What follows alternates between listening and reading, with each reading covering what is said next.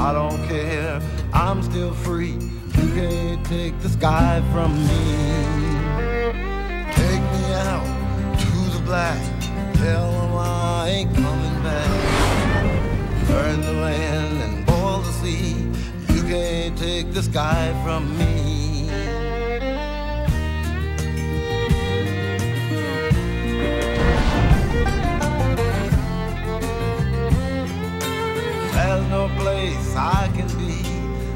I found serenity. But you can't take the sky from me.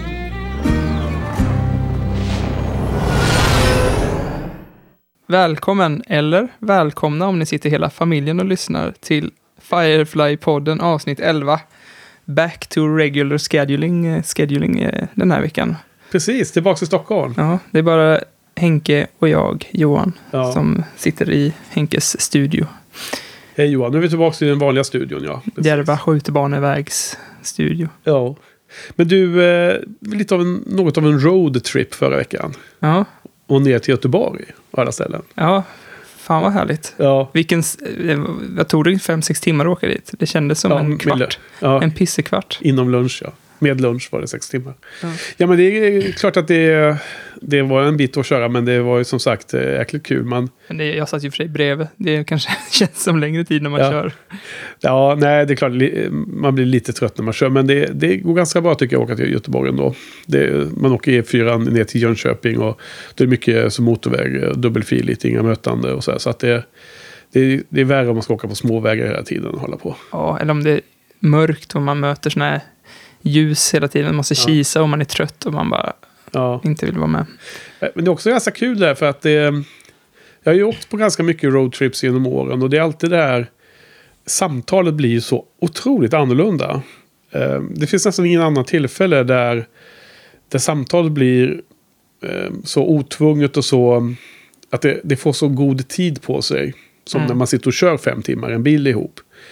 Eh, Du, du når nya ställen i ett samtal som du aldrig skulle nå om du bara ses för en fika eller om du bara ses för att man hänger, äter middag och tar en öl en kväll liksom. Mm. Även om du sitter länge så kommer du bara ha suttit en, en liten del av en sån här längre bilresa ju. Ja, men det, det är något inspirerande också med att dra ut på vägarna. Men jag vet, vi sp- spånade ju fram nya projekt där. Ja, exakt. Det, det var diffust. Ett nytt eh, bloggprojekt som blev mer eller mindre framspesat eller systemerat av oss. Ja, Fram, framtänkt. alltså på, De, designat heter det. Ja. Mm. Det var mycket grejer som eh, tänktes ut där. Det hade jag aldrig kunnat komma fram lika snabbt. man blir lite sugen på att eh, skaffa ett Firefly och Ja, dra runt mellan planeterna. ja exakt. Och, och de kallar ju skeppet för Boat och de eh, pratar om Sail och Firefly och sånt där. Och det är egentligen den andra... I, jämfört med att köra långa eh, roadtrips på bil så är det ju att ut och segla på riktiga segelbåtar på havet. På Ja, riktigt. just det, har ju du gjort, det har inte jag. Eh, Det har jag gjort mycket. Och det är, det är samma effekt där då, när man kommer ner i tempo. Och, och så ännu mer. Det har man ju inte ens en motor som är igång. Utan man, man, man susar fram med vindens hjälp. Och, och då kommer också liksom state of mind infaller sig. Som man kan alltså, um, umgås på ett sätt med, med de vännerna man seglar med. Som är eh, ouppnåbart i det var, vardagliga livet. Mm. Eh, fantastisk del av, av, av, den, av en sån semester. Ska vi rekommendera filmen Flotten? Just det. Den såg vi också tillsammans tror jag på, i Malmö. Va? Ja, Eh, dokumentären om en, eh, en social... Eh, vad heter det? Gruppdynamik eh, experiment. ja, lite Big Brother på en flotte. Ja, 70-tal. Han- Någon, någon galen professor eller något sånt där som ville att, liksom, frammana massa, massa intriger. Men istället så blev ju folk bondade och hade jättetrevligt på den här flotten. Ja, det blev ju, nu för tiden vet man hur team funkar. Alltså, teamet blir bara starkare av att det var lite motgångar. Och han hade ju hoppats på att, att de var så avskilda från omvärlden och inte kunde fly skulle betyda att de började slå ihjäl varandra eller bara ha sex hejdlöst mycket. Men istället blev det att alla hittade sina roller och så blev det ett tight team. Och, och han, han var den enda som var utanför i slutet fick man en känsla av. Den, Ja. här, den här forskaren liksom. Ja. Ja, Han fick väl lite panik där i slutet när han inte fick sina forskningsresultat Ja. och bröt sig loss från gruppen. Och, Just han, han tvingade dem att de skulle sitta och bekänna vilka de gillar och inte gillar och sådana saker. För att han ville liksom framtvinga de här, de här eh, konflikterna som han egentligen bara skulle studera. Så han blev ju en del av experimentet själv, vilket är så här typ skandalöst dåligt hanterad, hanterat av en forskare ju. Liksom. Blir en själv del i att frammana resultatet. det hade ju varit eh, en rolig inspiration till Firefly. Ja. Den, det projektet som var på på 70-talet eller någonting. Va? Ja, Ja. precis. Det var på den tiden. Sånt var kul.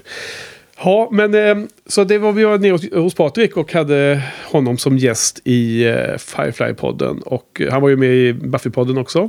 Mm. Ett av de mest nedladdade avsnitten. Eh, där, någonstans i mitten och allting. Kommer du ihåg vad det avsnittet hette? Ja, eh, för att vi pratade om det när vi var hos Patrik. Och vad hette det nu då? Det var ju den här pålad av sin egen påle. Ja, det? det, var topp tre tillsammans med Vita kränkta vampyrer och... Ja, det var den när Mats Ramberg var gäst. Just det. Och sen var det ett eh, avsnitt eh, som var The Body-avsnittet som vi döpte till Mummy? Frågetecken. Just det. Och det var ingen gäst, utan det var du och jag. Det var, Mm. det var nog avsnittet som behandlades som har dragit många lyssnare. Mm. Vi Mm. lyckades på egen hand. Ja, också. Eller det kanske var avsnittet, ja. det kanske var så. Ja, i alla fall. Ja. Men i alla fall, och sen efter vi hade poddat klart och allt det där och vi varit och käkat och så vidare och se- sent på kvällen och vi var ganska trötta i olika grad. Patrik var nog den som var piggast då som bara hade varit hemma och väntat på oss på, oss på lördagen. Han var Jag hade ju bara sovit tre timmar eller sånt där. Ja, just det, du hade varit ute kvällen innan också. Något sånt där. Det tror jag inte. Eh. Okej. Nej, Jag kommer inte ihåg. Vi kanske hade. Ja, eh, vi kan säga så. Så, Ja, vi säger så l- låter det coolare. Ja. Men han var i alla fall pigg som attan och sa Åh, vi, nu ska vi se Trash tyckte han. Så vi, vi såg ju det här eh, direkt efteråt då. då. Och, och då eh, det var extra kul att se det här eh, avsnittet som har bra mycket humor i sig. Mm. Eh, bredvid en liksom eh, skrattande Patrik som satt där och skrockade lite som Joel du vet gör. Mm. Han, var, han gör ju av det jättemycket liksom. Så att man blir så ofantligt meddragen. Mm. Eh, och nu låter det som att jag inte skulle tycka det var roligt om man bara såg det själv. Och, och så var det ju inte. Men jag menar, det blev ännu, ännu roligare när man, man satt och såg det ihop. Alltså. Ja, men verkligen. Ja. Jag tyckte det var jättebra första halvan. Ja. Sen somnade jag. Sen sen blev du tystare och tystare. Ja, sen blev det jävla... Jag tyckte det var så jävla dåligt avsnitt i slutet. Jag fatt, var helt, allting var bara ologiskt i slutet av film. Så här, bara varför, varför var han naken? Och så här, Ja. du, ingenting maker sense i slutet. Så bara, ah, det här kommer jag snacka skit om sen i podden. Alltså, det, Ja. det här var inget bra. Ja. Men eh, ja, jag har ändrat min åsikt lite grann sen dess. Det blev bättre när du såg alla scenerna. Ja, ja. Inte sov alla scenerna. Ja, det var ett par nyckelscener där som jag missade tror jag. Ja, ja, det är lätt hänt. Tror jag nickade till lite på bion igår också faktiskt. Men då hade man... Det var en film man hade sett några gånger så det gjorde inte så mycket. Mm. Men du, eh, det här är ju faktiskt ett, ett avsnitt som eh, på mångt och mycket påminner lite om den här Our Mrs Reynolds tycker jag. Är det samma writers? Nej, varför tänkte jag det?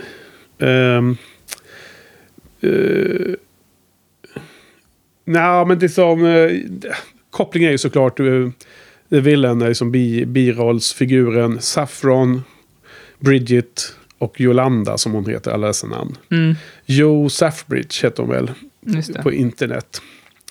Eh, men det är samma känsla i det hela, eh, tycker jag. Mm. Eh, ja, jag kollar upp lite snabbt. Men det stod bara ri- written by Joss Whedon. Ja, nej, det är inte samma, det är inte samma författare, men det är samma... Samma crew. Men det, det, det, är- Samma villain. det är samma bild, men det, det är samma... Så här, det är samma känsla i filmen, alltså i avsnittet. Nu, nu, nu jag blev lite Sorry. avbruten här, så vi Sorry. måste, vi måste kanske ta om det här Johan. Ja. Så här, jo men det är eh, samma känsla som Our Mrs Reynolds. Och det, det är inte samma ehm, som har skrivit avsnittet, det kommer vi till alldeles strax. Eh, de är i och för sig erfarna eh, inom Firefly, men det är mer det här att det är en, någon form av heist. Den här gången utför ju våra hjältar en heist mot någon annan. Den gången i Our Mrs Reynolds så var det Saffron som utförde den mot, eh, mot våra hjältar. Eh, men det är den här blandningen av humor och någon form av action. Mm. Och att i varje scen i hela avsnitterna så tycker jag att eh, karak- personernas karaktärer kommer fram i hur de beter sig.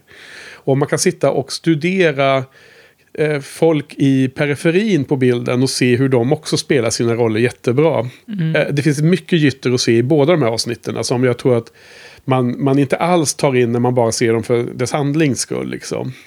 Så att jag tror inte att det är ett bra avsnitt att se när man är lite halvsömnig och liksom so- går ut och in, zonar ut och in liksom. Nej. som, som du är- bevis på, för du Ja, sa. och risk för att det låter som en broken record, men Ja. eh, det här är ju verkligen ett avsnitt som man vill se flera gånger. Ja. Eh, för att det, det är som en helt, ett helt annat avsnitt andra gången man ser Jo, avsnittet. så, så det är ett starkt tips till alla som är nya inom Firefly-tittande att det här se om. Man måste nästan se om... Ja, Alltså, bara ja, det är nästan obligatoriskt, för att det, det är ju nästan som att man inte sett avsnittet om man Ja. inte sett det två gånger.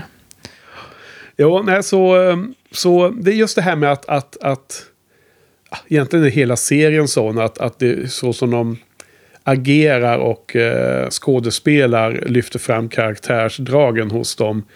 Eh, gäller liksom lite överallt. Men på något sätt så har jag, har jag känt att det är extra tydligt i de här två avsnitten. Då. Men eh, återkommer då till vem som har skrivit det. Då. Det är skrivet av Ben Edlund och José Molina. Eh, gissar jag att det heter. Och Ben Edlund till att börja med. Han har alltså skrivit både det här Trash men också det tidigare Janestown. Som är ett otroligt roligt avsnitt. Ett av de roligaste i hela serien. Och han har också skrivit sex avsnitt i Angel. Så han har jobbat med Joss där. Och José Molina har då skrivit, eh, han har inte jobbat så mycket med i, i We Don't Worse, but, men han har skrivit det här, Trash, tillsammans med Ben. Men också eh, Ariel, Ariel, hur vi nu uttalar det. Och det var ju inte alls det här humoristiska avsnittet. Det var ju snarare ett av de avsnitten jag tycker i alla fall är som mest dramatiskt. Det här med Jane och eh, förråder dem och hela den här kalla känslan på sjukhuset och allting, du vet. Ja. Den heisten där. Ja. Däremot Men- är det ju heist i båda fallen. ja, men jag tycker ändå, det är klart att det övergripande temat var eh, allvarligare, men det är ju fortfarande väldigt mycket humor i det avsnittet Mm. också tycker jag. Jo, ja, precis. Går inte att komma ifrån kanske. Så jag tror inte att han är dålig på att skriva humor eller sånt Nej. där. Men, men där har jag annars den här kopplingen med två heist-avsnitt. Så att det är kanske den, den Ja. vinklingen som Ja, de har verkligen. tagit fasta på. Ja, faktiskt. För eh, de här, den här och The Message som är nästa avsnitt, Ja. de är väl liksom de extra beställningar från nätverket. och där. Det där har väl du koll på? Ja, nej men metainformation är ju att det var tre avsnitt faktiskt som aldrig sändes i eh, första eh, sändningen av Fox. Så de spelades in men eh, gick aldrig ut i, på serien på tv. Och det var det här som är det första då som, som i den ordning som är den den eh, valda ordningen av Joss och som ligger på alla DVD-boxar och Blu-rays. Så är det ju det här, så är det The Message och sen är det Heart of Gold som kommer de här tre i rad. Sen har man ju valt att lägga Out of Gas, vilket är ett avsnitt som visades på Fox första eh, sändning. Alltså när de sände det hösten 2002. Men, eh, men, så, men, så det skulle ju då kunna legat före, men man väljer att lägga det sist på, på boxarna och i den liksom eh, officiella ordningen därför att det är ett bättre avslutningsavsnitt. Då, då. Gas. Ja, nej, så jag fel. Ja, Objects in Space. ja. Sorry. Correction. Mm. Men, eh, ja, men... eh, för jag, jag läste i ditt kompendium att eh, det var någon tilläggsbeställning eller sånt där, de här två eller tre avsnitten. Att det inte... Att, det, att de skrevs efter alla andra avsnitt. Jaha. Så att de skrev först alla avsnitt och sen så ville Fox ha mer. Okej. Och då skrev de till de här avsnitten. Okej. Och, och, och så hann man spela in dem, men så hann de också bli cancellerade innan de kom ut då, eller? Ja, så kanske. För jag gissar att de inte... så- Som jag har förstått det, för det här har inte jag läst då med, med hur beställningen av eh, avsnitten gick till. Så det var jättespännande. Men vad jag tror, och då får du se om du har sett info om det också, att, att det de spelade in allra sist eh, är The Message. Det är det sista vet jag inspelade. inte, men det, den informationen har jag fått från dig i alla fall. Ja. Ehm, Och det var lite betydande för att den heter just The Message. Ja, precis. Men nu kommer jag på det att jag kollar ju här på det här webbsidan jag har på min padda här. Då finns det en sån här produktionskod också. Mm. Då ser man för övrigt att Serenity pilotavsnittet det har en, en helt annat nummer. Så jag tror att den gjorde ju klart, den gjordes ju långt före Mm. resten. För sen fick de göra om en ny pilot som blev The, the, the Train Job som vi pratade om då. Och då har de produ- produktionskod 01 då. Och sen går det vidare då här i, i ordning. Och så går det upp till nummer 9 är War Stories och 10 är Heart of Gold. 11 är Objects in Space. Och sen har vi Trash och The Message är sist. Så, Okej. Och av de fyra sista så verkar det som att The Message spelades in sist. Men av de fyra så var det bara Objects in Space som sen visades då på den första, första sändningen. Okej. Så att det, det verkar som att de här tre av de fyra som gjordes där då, eh, ja, och man inte ens visar dem. Men det kom ju lyckligtvis i mål så de blev färdiga i så här post-production och allting som mm. de med de här då. För de är ju, de är ju, det är ingen som helst skillnad i kvalitet eller så här. Det, det, det är ju inte något extra material liksom.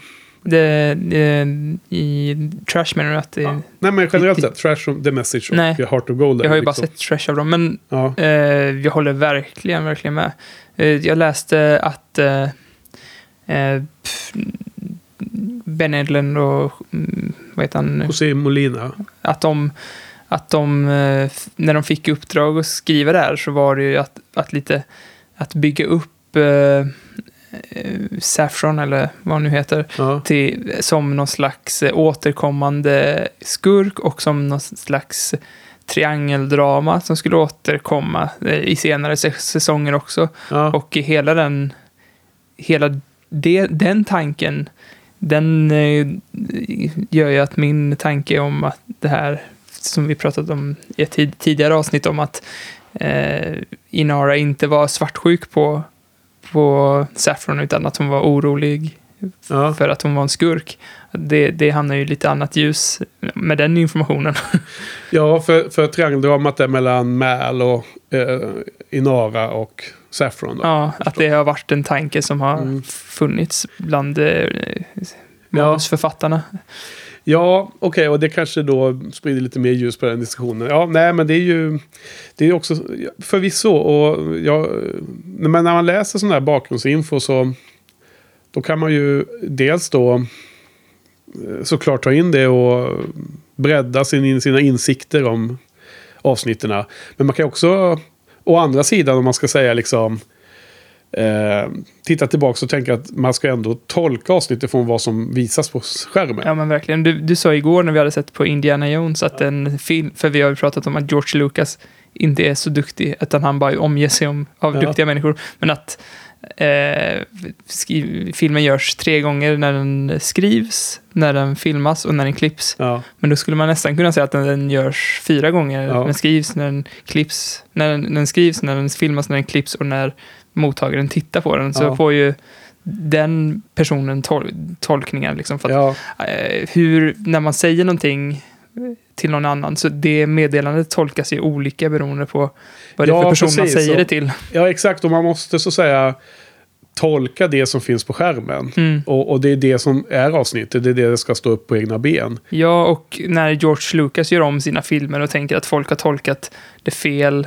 så är det ju inte det är ju han som har missuppfattat det. För att det, är Ja. ju, det, är- det är tolkningen som är rätt. Ja. det här med hand shot first och allt det här. Ja. Såna.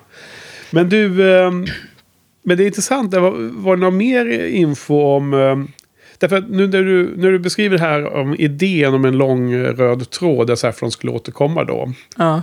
Eh, när, alltid när jag hör den, den typen av eh, bakgrundsinfo om den här cancellerade serien. Då ja. blir man ju mest så här lite, ja man blir ju ledsen liksom. För man tänker vad, vad mycket göttiga idéer och stories och avsnitt som, som in, aldrig fick bli gjorda ju. Mm. Och det är ju liksom, det är som att slå in en öppen dörr såklart i en Firefly-podd att ha den åsikten. Men hur, hur känner du inför det liksom? Det är liksom...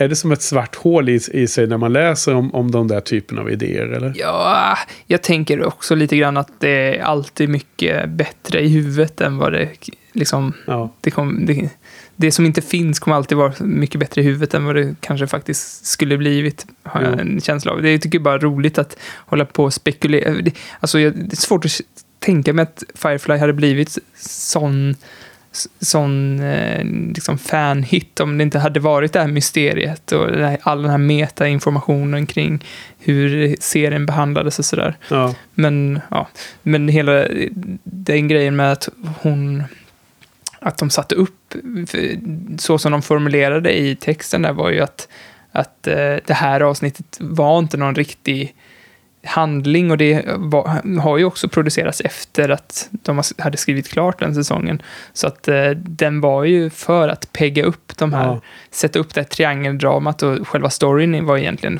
skitsamma. Det var Ja. ju någon McGuffin som de skulle... Ja, precis. Det är liksom ett standalone-avsnitt som ska kicka igång en, en annan karaktär som ska Ja. få en lång...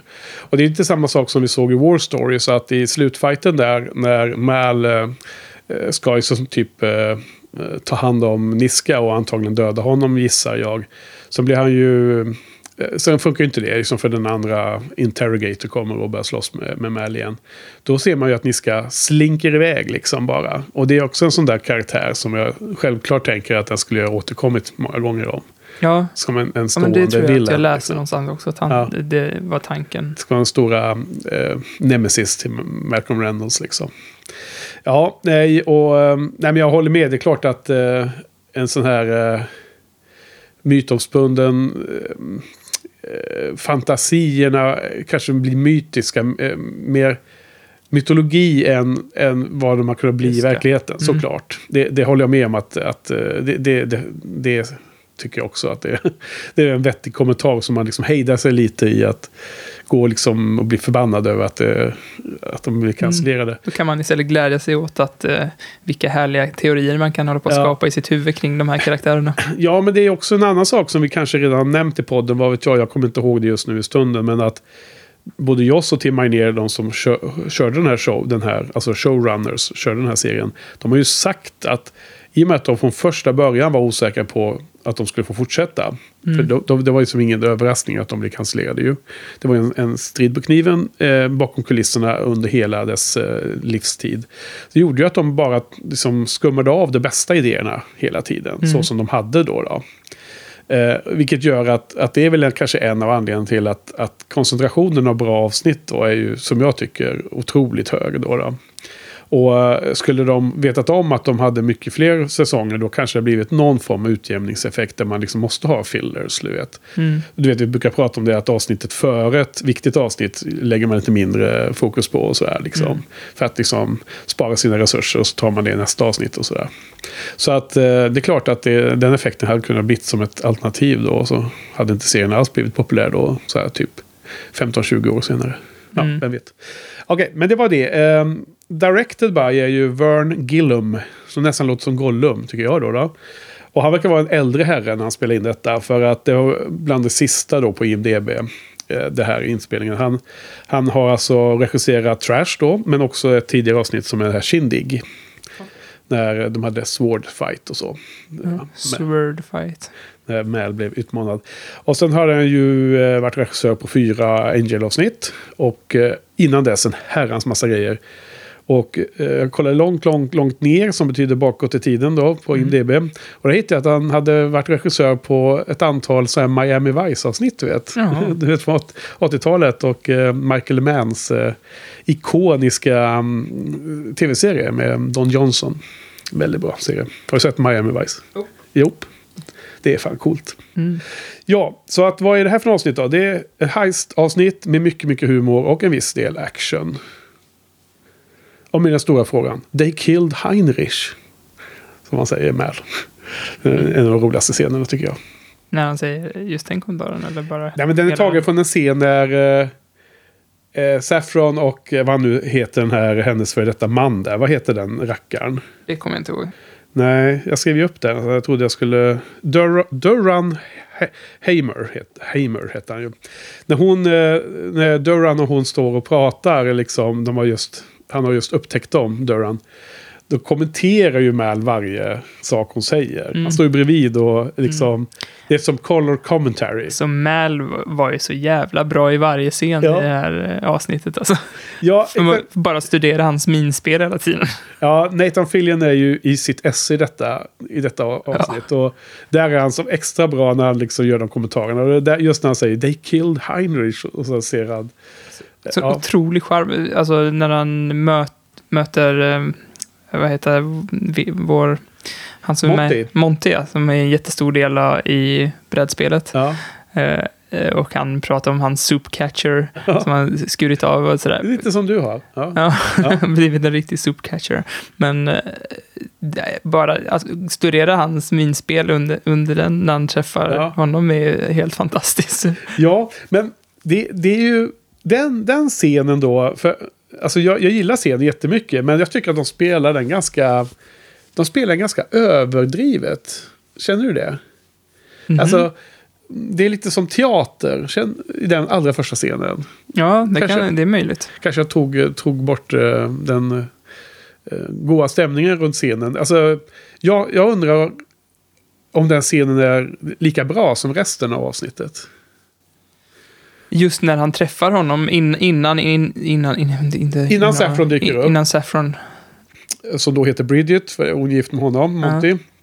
Hela den första scenen när de är där och de håller på med smuggling och så Monty dyker upp. Och då är det lite så här överspel känns det som. Jaha, för det var exakt det som jag tyckte var så jäkla charmigt Ja, med, ja. med eh, för att han har så himla mycket grejer för sig. Liksom. Ja, alltså jag har funderat lite på om det är att, att det är som gamla war buddies där man hade liksom en liten eh, överdriven mm, style med varandra. Att det var jargongen i det gänget. Mm. Skulle kunna vara.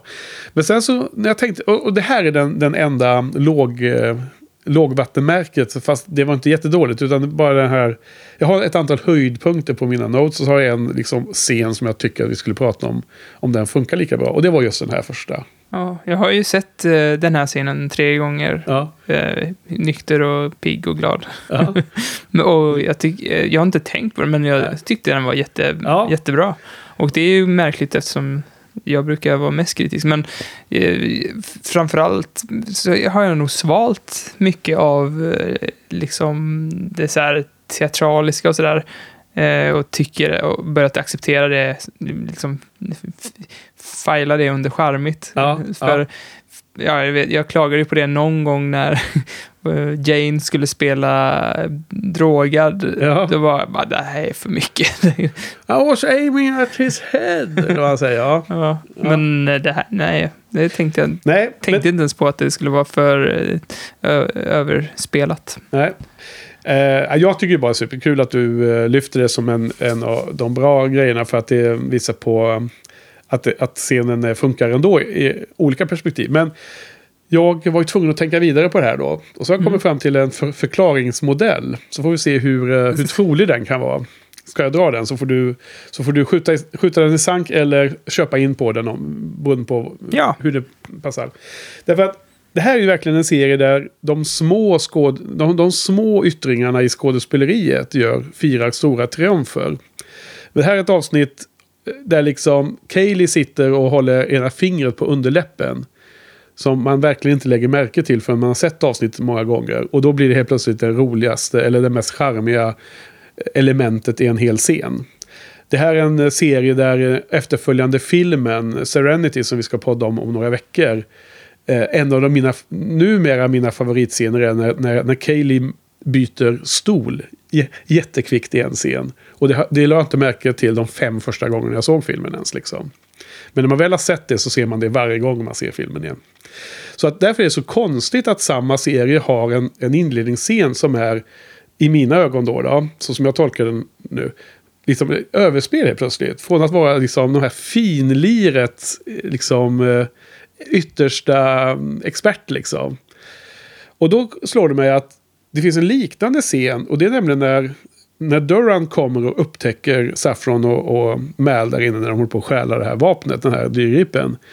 Då är det också en liten förstärkt, en liten så här, angränsad till någon form av överspel. Fast det är liksom att han pratar med sin, med sin Bridget, nej, med sin, vad heter hon då? då? Yolanda kallar hon, hon han, Saffron. Ja. Eh, då är det igen lite samma style som i inledningsscenen som jag reagerade på. Och då inser jag det att den här scenen med Duran och Yolanda eller slash Saffron slash Bridget är ju en, en, en switch, en lur. Den lurar ju oss. Han har ju han, han, får, han, när han pratar med henne så är det ju bara ett skådespeleri. I, I avsnittet. För han har ju redan eh, tryckt på sin knapp på ringen. Och han har redan ringt efter polisen. Han ska ju bara hålla kvar dem där så att de blir fångatagade. Mm. Så att... så Okej, på- det var den interaktionen som var överdriven tyckte du? Ja, jag, jag tyckte att den scenen kändes liknande som första scenen. Ja. Och då, om man då tänker att de gör första scenen för att dölja vad egentligen den andra viktiga scenen är.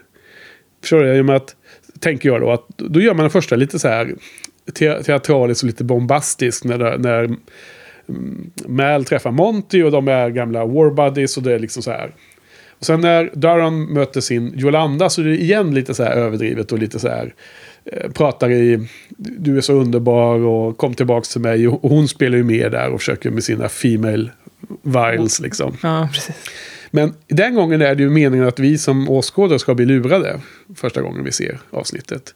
För att han har, han har ju med en gång, som han då säger, tryckt på den där knappen då med överfallslarmet eller vad han hade där. Mm. Så då tänker jag att de kanske liksom redan i första scenen eh, tar en scen där det inte har någon betydelse att de spelar över eller ej. Och gör det för att liksom sätta ribban då när, för den andra viktiga scenen. För att det blir lättare ska luras att, att, att han liksom är en dupe, som hon säger. Ja, jag vet inte. Det var en avancerad Ja. spaning. Avancerad tanke, ja. Ja, nej, men det, det så, så, så skulle det väl kunna vara. Men eh, en sak som jag inte håller med om är att det här är finlirets spel. Nej. Liksom, jag tyck, om jag får säga vad jag tycker om den så är det mer att det är att det är det här härliga kaoset och blandningen mellan helt Ja. överdrivet idiotiskt överspel ja. och det här svinigt braiga fi- finliret som ja, också finns. Att det bara är ett kaos däremellan. Ja. Och ibland så funkar det svinbra, ibland funkar det inte så bra, men bara att man har vant sig vid att det går upp och ner det där Ja. gör att man så här, uppskattar båda till slut. Absolut, och det håller jag helt med om. Så det, det, det, ska, det, det är en superbra spaning.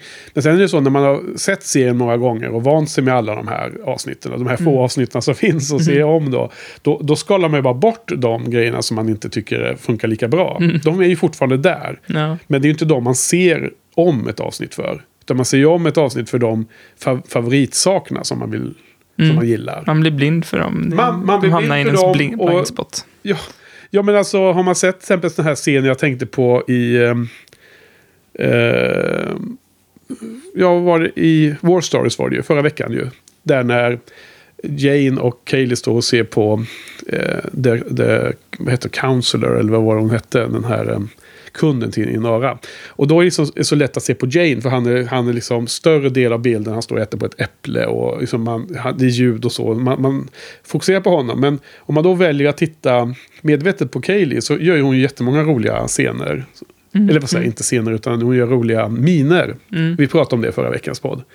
Och, och det ser man liksom inte förrän man börjar skala av de här lite mer stora, vi, stora Yviga. yviga grejerna som du var inne på här nu. Så, Ja. att, så att du, du, för- du förklarade mycket, mycket bättre än vad jag gjorde. Men jag har hamnat i, som, som konsument av den här serien, så har jag hamnat i den fas där man liksom börjar uppskatta och njuta av de här finliret. Då. Det, var det, det är en bra Mm, slutsammanfattning. jag håller med. Men jag tyckte också den scenen eh, där han trycker på överfallslarmet. Ja.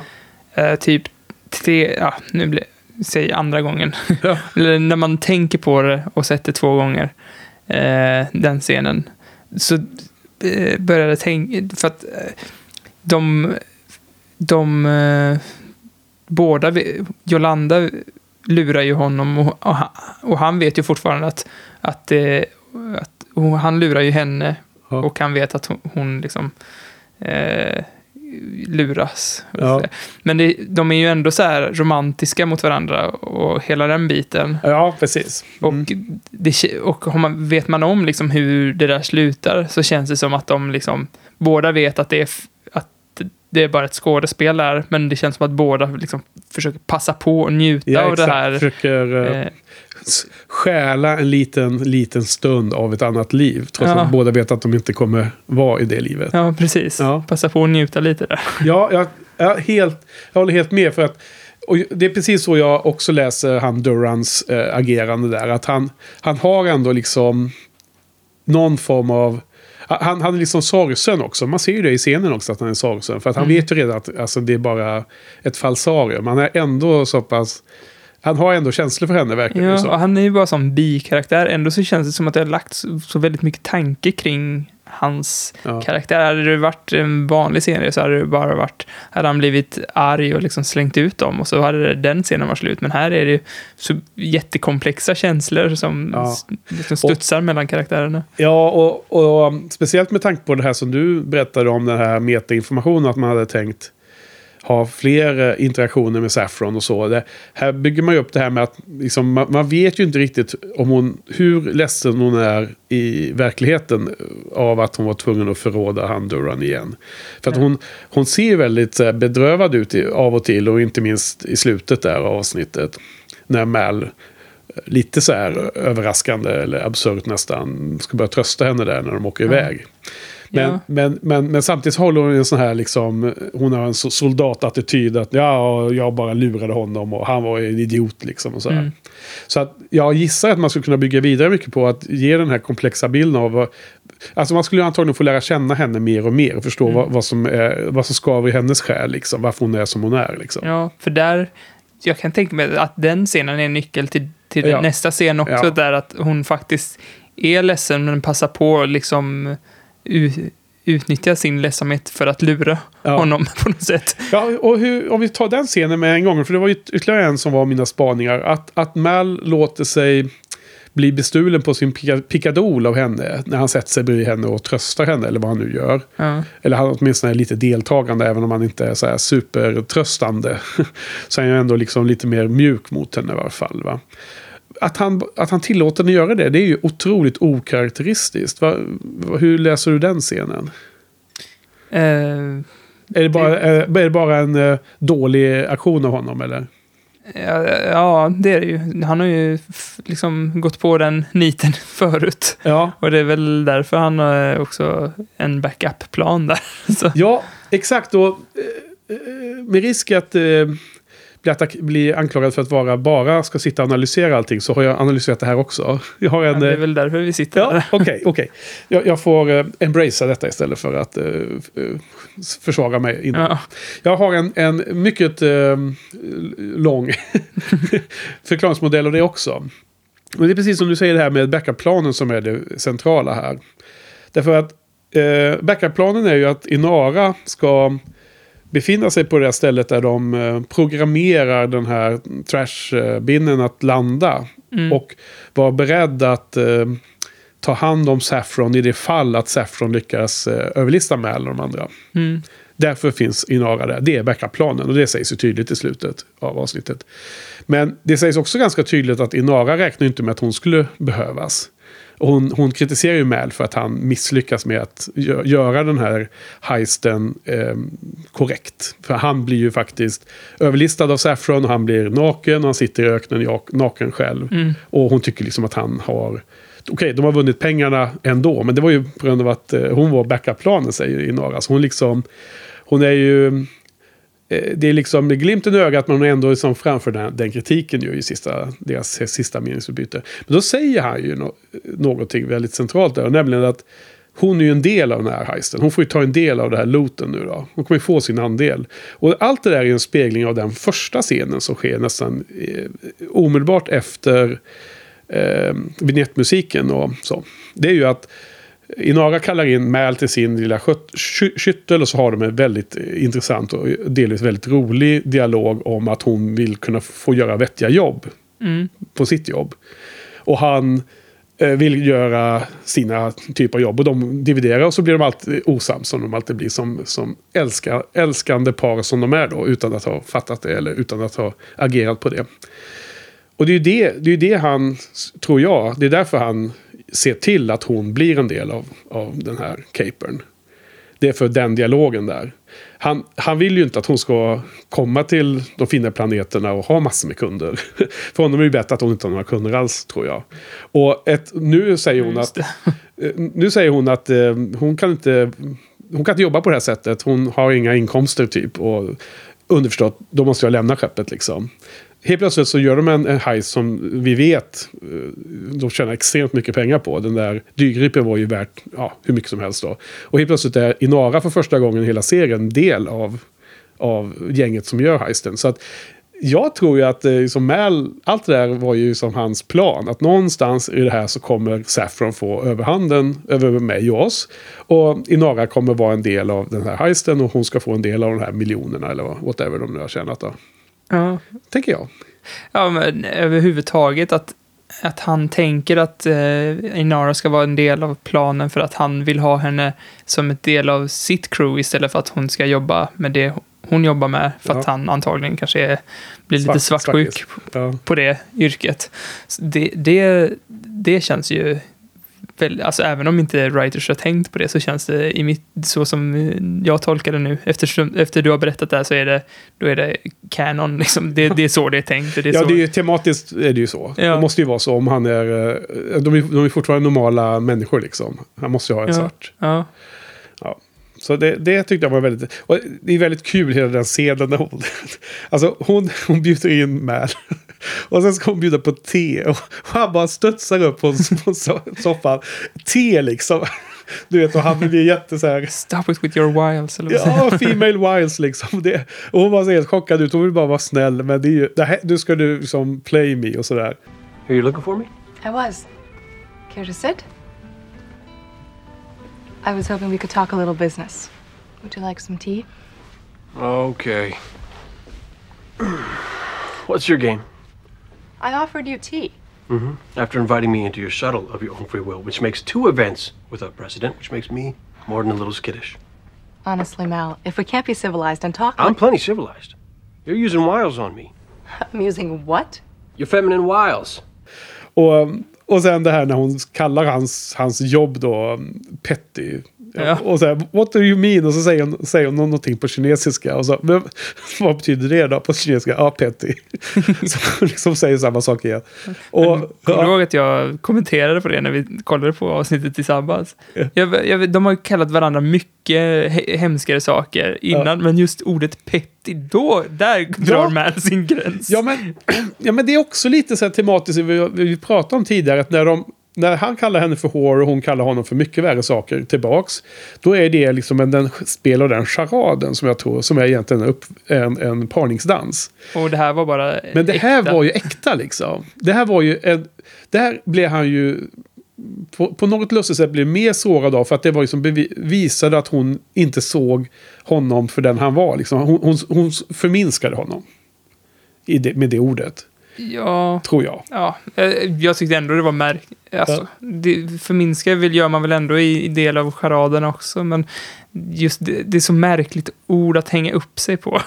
Ja, men i alla fall. Ja, jag, på något sätt så kan jag... Antingen så är det att jag även när det gäller sådana här dialoger liksom skalar bort de, de dåliga grejerna och bara, bara ser dem bra. Men jag, jag är som ser nästan som att det känns för mig naturligt att, att jag tror de båda har väldigt så här hårda yttre skal. Det är svårt att komma bo, båda de karaktärerna nära på livet. Och, men när man väl sticker hål i den så blir det väldigt ömtåligt. Och jag tror att det här var en, en sak som han störde sig på, på äk, äkta liksom. Ja, men jag hade nog föredragit att det var något, att det hade absolut kunnat vara något som inte är lika hemskt som det de kallat varandra innan, men just petty är så luddigt, tråkigt ord. Jag var jag, när vi satt och kollade på var jag tvungen att googla, det. betyder det här någonting annat än vad jag, Ja. är det något jag inte koll på? Är det, Nej, men småaktig.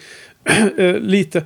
Alltså om hon har sagt så ja men du är svag. Då hade han bara skakat bort av sig det. För, för att han visar genom sina sin ledarskapsegenskaper och han, han är ju som fysiskt stark och han är mentalt stark. Han visar ju det att det, det är Ja. bara ett skällsord för honom. ja. Om, du säger, om hon säger att du är eh, vad som helst ointelligent och så, här, så kan han bara, men det är ju det är bara att visa genom aktion att han inte är det. Men när hon säger att han är petty och deras senaste jobb var att frakta sådana här Bobby Dolls, vad heter det, sådana här Wobbleheads. bobbleheads. Då, då kom hon för nära en, en, ett, ett problem som man har redan med sig själv. På riktigt. De, är inte de har inte bra framtidsutsikter eh, med de jobb han har fått in för sin crew och sådär. Ja. Och, och han är en petty thief nu liksom. Och hon, hon som är den som han typiskt då i hemlighet som han nog tror, fast vi, vi vet ju redan du och jag. Eh, som han älskar. Hon kallar honom för Petty. Jag, jag, jag, jag köper att den psykologin blir väldigt stark. Liksom. And what exactly was our net profit on the famous wobbly headed doll caper? Our cut? So you're in the gang now? Well, since I can't seem to find work as companion, I might as well become a petty thief like you.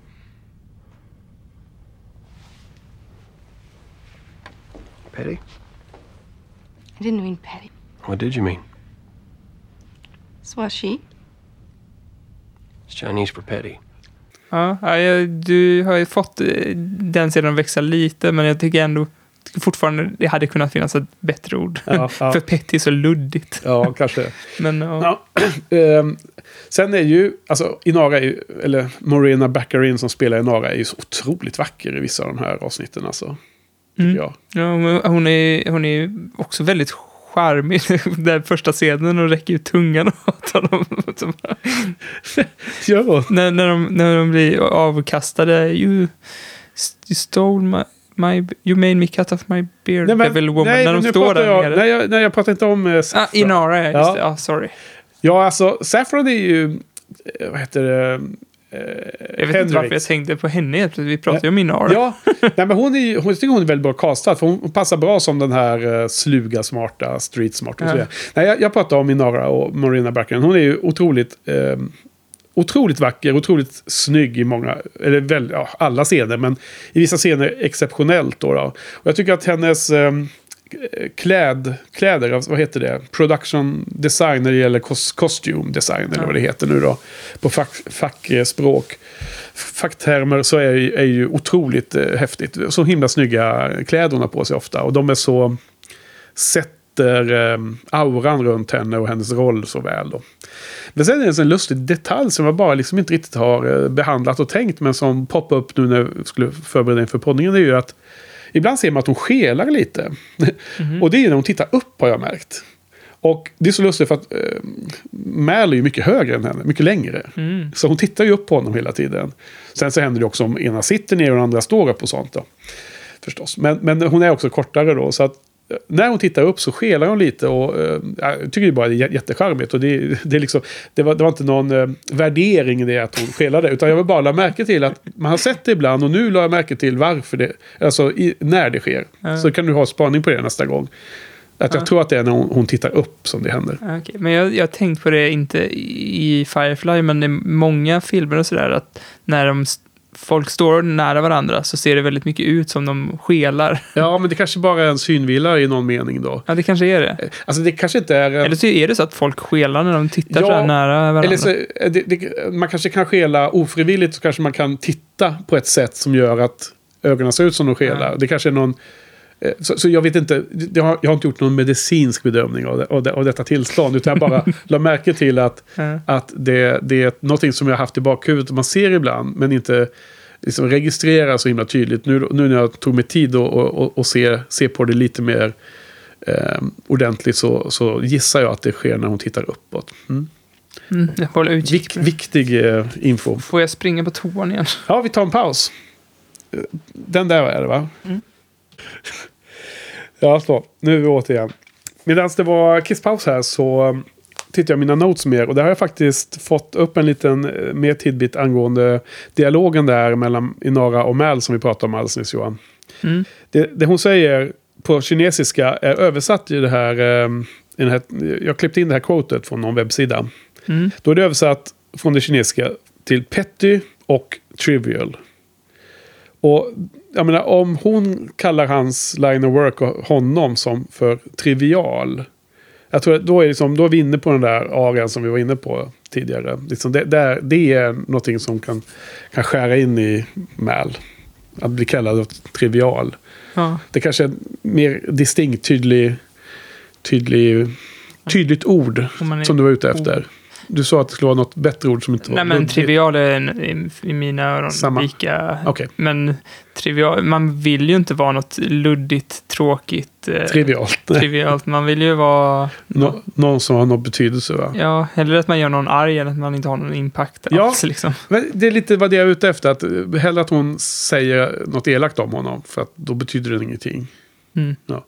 Men, okej, men då har vi pratat klart om den scenen. Ehm, det var i alla fall lite många, många scener som jag tyckte var som höjdpunkter. Men vi har varit inne på flera av dem redan. Eh, och det finns ju en annan där som jag kommer inte ihåg om vi har pratat om det i podden eller om det var någon av alla andra prata om avsnittet. Vi pratade om det här med nakenscenen och att när, när, när, en, kill, när en man då har en nakenscen då som Mal hade, eller Nathan Fillion hade i det här avsnittet. Att de har ett litet skydd framför pickadolen. För att det skulle inte synas. Aha. Ehm, och där har jag läst en liten eh, bakgrundsinfo om detta i den här scenen. Har, Okej. du, har du läst det? Nej? Ehm, jag har läst ditt kompendium i alla fall. Ja, men jag har läst på nätet. Jag vet inte om det står samma då. Men jag hade fått för mig sen tidigare om man läst någonstans att Mel var helt naken. Men jag har nog missuppfattat det. För, För det står det i kompendiet. Stod det att han var helt naken? Ja. Ja, okej.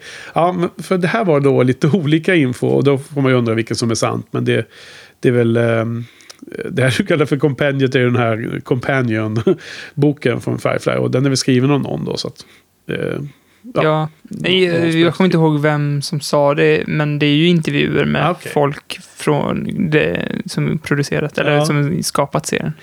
Ja, ja. Fast det är svårt att veta, veta vilken källa som är sann. Men, men på den här firefly.fandom.com som är verkligen någon eh, databassida där man kan hitta massor med information. Där, där, där står någon intressant info i alla fall. Och det, där vill de hävda att han, ha, han var i princip naken. Men att han precis framför pickadolen så har han en liten, liten eh, som en liten kåpa, en litet eh, tyg liksom. Ah. Som en liten, liten, typ eh, superliten eh, bikini eller vad man säga. Eh, och då, eh, och dels var det också det roliga att, att någon som kommenterade att eh, när en tjej ofta gör, eller när en tjej gör en nakenscen på, i tv-serier så är det ofta så att man väljer att alla får, eh, ja, får inte vara där utan det är bara de som är nödvändiga med kameran och ljud och så. Men när, när det var Nathan Fillion så var det inga sådana restriktioner. Så att Nej. typ de flesta på Men det, det, inspelningen. det stod det i kompendiet också. Ja. Att när, vem var det? Var det Inara som hade en eh, nakenscen? Eller? Ja, det kan ha varit, ja. Säkert när hon var Ja, inblandad. man fick se på ryggen. Va? Då hade de liksom stängt ner hela produktionen. Ingen fick vara där. Det var ett rum och det var bara de här personerna som fick vara Ja. där. Men när Nathan Fillion skulle ha nakenscen, då var alla, hela produktionen dök upp Ja. helt plötsligt och Ja, skulle precis. vara med på inspelningen. Ja, ro, rolig kommentar. Men då i alla fall, så det som jag läste och som också är lite kul grej då, då är ju att då hade ju eh, Nathan då klippt ut en litet eh, foto av Joss. Så att ansiktet av Joss klistrar han på den här lilla hettan. så på, på paketet där, liten tygbit och med en, en kli- påklistrad ansikte av Joss. Och det finns i slutet av avsnittet så kommer ju eh, Wash och Zoe fram till, till Mal när han står där naken då på det här liksom precis när de ska åka iväg då, precis sista sekunderna. Och då ser man att eh, Wash eller skådisen där då eh, tydligt att han tittar ner och så börjar han flina liksom. Och sen har de bara klippt där då, för han kunde tydligen inte hålla sig för att ihjäl sig. Så han, han går ju bara ut ur bild sen efter klippet. så de var tvungna att klippa bort lite. Ja, ja, jag vet inte vad som är sant då, då. Vilket som kanske funkar lika bra. Ja. Mm, men eh, ska vi se här nu då. Eh, vad har vi mer för några spaningar? Kör, kör, om, kör några. eh, Ska vi prata om Jane kanske? ja för, vad har vi på Jane i det här avsnittet? Eh, ja, det händer ju ganska mycket med Jane, men den första scenen som jag tänker på är när eh, Simon och River, så, så, så heter de ja. Mm, de sitter och, och pratar om någonting och så sitter eh, Jane och sorterar eh, jag vet inte, små plastgrejer, mm, ja, vet inte, vakuumförpackat pro, protein kanske. ja, Eller något sånt där. Och eh, då, då säger... Eh, va, jag kommer inte ihåg vad de säger. Men jo men det är, eh, Jane är där för att säga åt dem att de inte ska få följa med på den här heisten. För att de är inne på en ställe där det finns mycket Alliance-folk. Så de är inne i någon just deras eh, sovrum. Och det ser ut som att han lägger fram sådana här matportioner åt dem. Så de ska kunna ha mat medan de andra är borta. ja. Ja, det är den scenen du Och, tänker på. eh, ja, precis. Och, då- och då säger han att, att man inte kan lita på tjejer. Eller något sånt där. She's a liar and no good will come of her. Well, as a rule, I say girl folk ain't to be trusted. Jane is a girl's name. Jane ain't a girl. Och då säger River att Jane's a girl's name. Ja. Och för det första är det hon är, ser så jäkla rolig ut när Ja. hon säger det. Ja. och väldigt rolig scen. Men också på något sätt kan den vara tvetydig, som vi pratat om förut. Att, att man inte kan lita på tjejer och Jane är ett eh, girls name och River litar ju inte på Jane. Nej. Så att, eh, Verkligen inte. Och när hon säger Jane's girl's name, då ser man hur hon säger det bara för att rättas också. ja, Och han blir så himla irriterad. ja, och han kan inte bli cruder. Nej, nej. han börjar, ska visa att han har male parts. Ja, superstiff Simon eh, tycker bara att han är obehaglig. Ja. Ja. Vilket han är. Ja, ja. Jo, men vi tänk, jag tänkte på det att liksom Simon, vi, vi har liksom eh, kritik till hans skådespelar-skills. Ja. och han är alltid lika här stiffa och stela och säger linen väldigt så här korrekt. Liksom, så att det passar in i den karaktären. Men, karaktären får ju vara stiff då. då. Ja. Men, den- den, den scenen är, ju ganska... mm, Alltså den ju eh, fyller på i den här... ehm, eh, alltså det utvecklas ju med River lite varje avsnitt ju, tycker Ja. jag. Och från Ariel när Jane sålde ut dem så har, har vi ju förstått att hon fattar det mycket, mycket tidigare. Och det, det ingår ju i den här dialogen att hon, hon, hon, hon... Det är som en katt som leker med en, med en mus, liksom, en råtta. Eller så här. Hon leker ju bara med Jane. Hon vet ju redan att han har förrått dem, liksom. Och hon säger massor med antydningar som han bara blir superstressad av. Ja, ja, kanske, kanske. Jo, men därför, du sa ju det i fler scener. Det avslutas ju med efter att Jane har blivit knockad där när de gör den här Ja, jag, jag, jag, utomhusgrejen. Ja, precis. Mm, Ja, men jag vet inte ifall hon leker med honom som en. För, för, ja, med tanke på att det här bara är ett filler-avsnitt så känns det som att det, det är så jävla bra. Det är så, alla karaktärer liksom har någonting att göra i det här avsnittet. Och eh, här bemöter de ju hela så här, det här Jane-förrådet i förrådelsen, eller vad man säger, Ja, igen. Eh, och, eh, Rederiet. Förräderiet, ja. Och eh, tyckte det var så jävla bra scen där i slutet Ja. när eh, Simon förklarade att han litar på honom och han borde göra samma sak. Och Ja. eh, än en gång fick, får Jane bevisat för sig att det är den, den bästa grejen man kan göra. Det är att liksom vara lojal och snäll och sådär. Ja, Vilket han har fått lära sig att man inte ska vara. nej. Men samtidigt så, så var det så himla perfekt i slutet när River sticker in huvudet och Ja. säger I can kill you with my brain. Ja, För då, då, då var det inte Simon som sa det, för hade Simon sagt det så hade det motbevisat hans poäng lite grann. Men att en galen människa sticker in och säger det, då visar det nästan lite mer känslan och Simon fick liksom bevisa så här, men vi, så här gör vi. Ja. Även om vi känner att vi, vi vill döda det med vår hjärna så är det... Ja. Så, Men visst så var, visst var det, han sa väl, sa han inte någonting om att så, så det Simon sa att så, så fort du är min patient så kommer jag alltid jobba för dig eller något sånt där va? Jag kommer aldrig...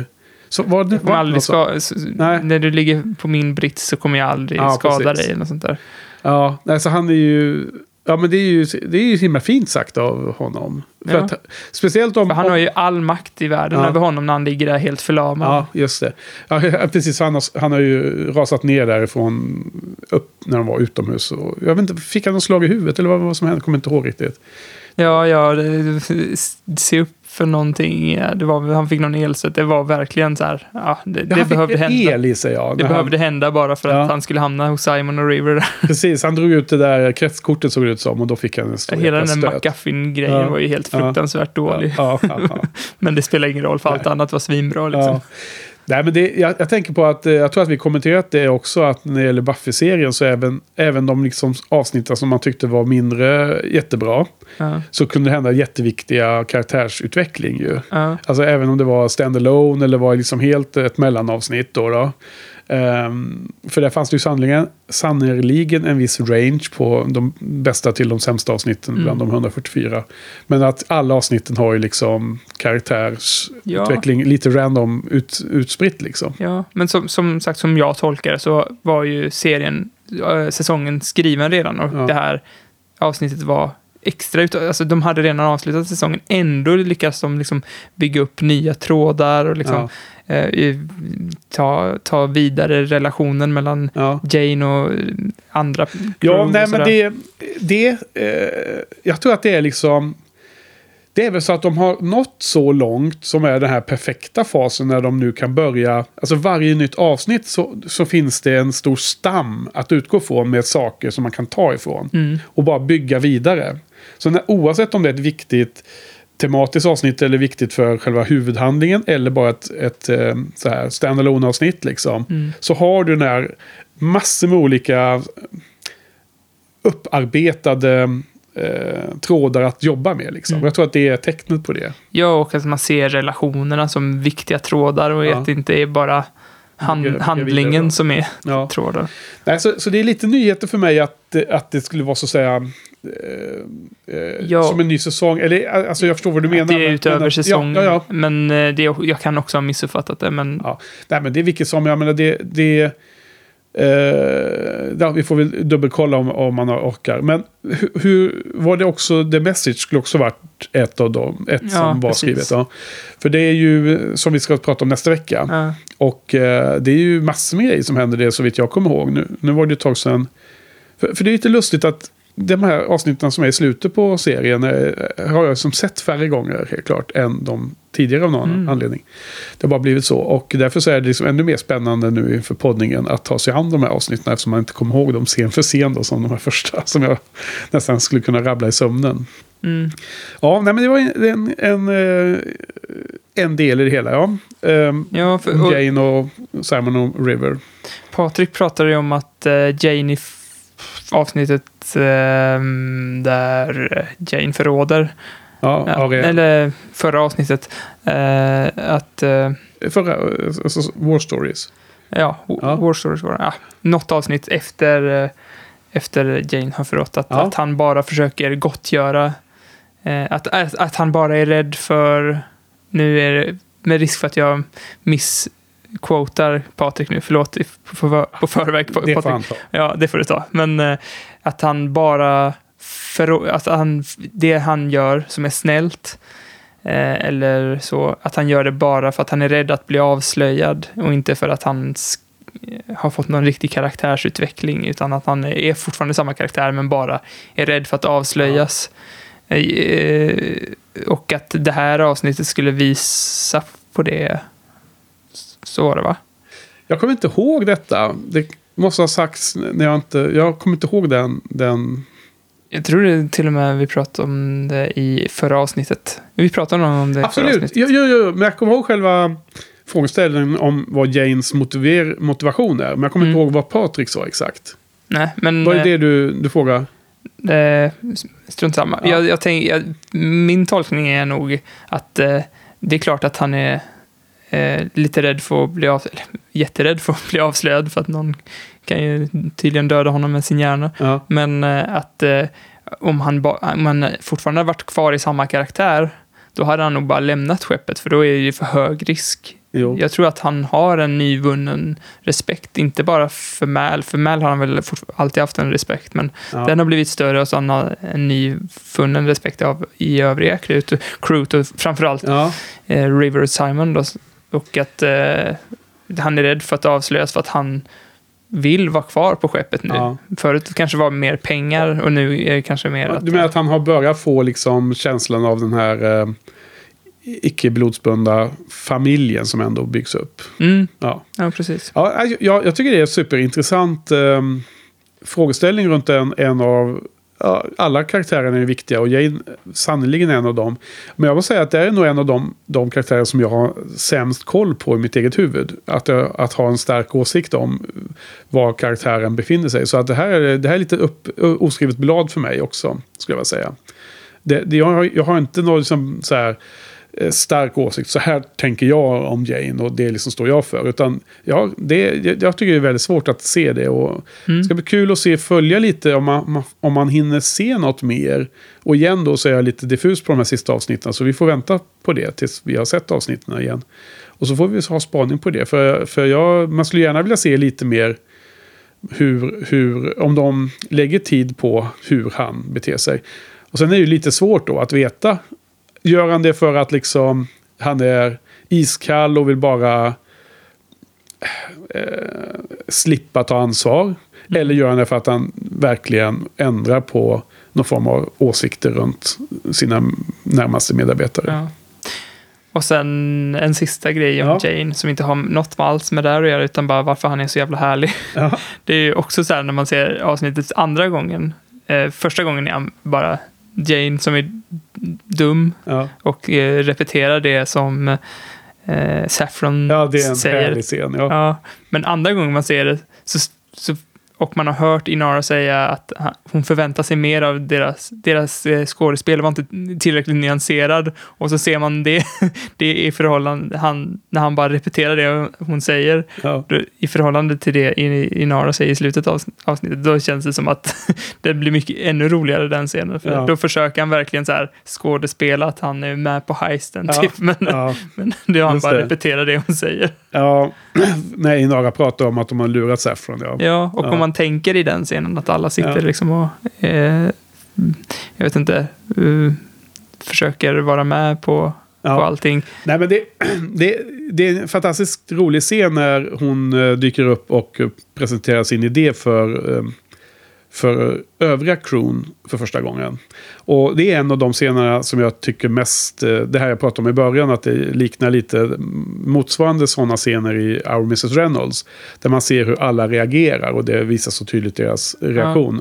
Jag menar, Zoe reagerar på ett väldigt tydligt sätt. Hon är, blir extremt tyst och hon, hon slår ju ner Saffron och allt det här va. Ja. Hon är liksom, hon är ju sin stil. Och Wash är ju, ja det är också superskön. Och Jane den här grejen. Och, och Kaylee som sitter där med fingret på underläppen. Alltså alla de här, man kan liksom studera dem.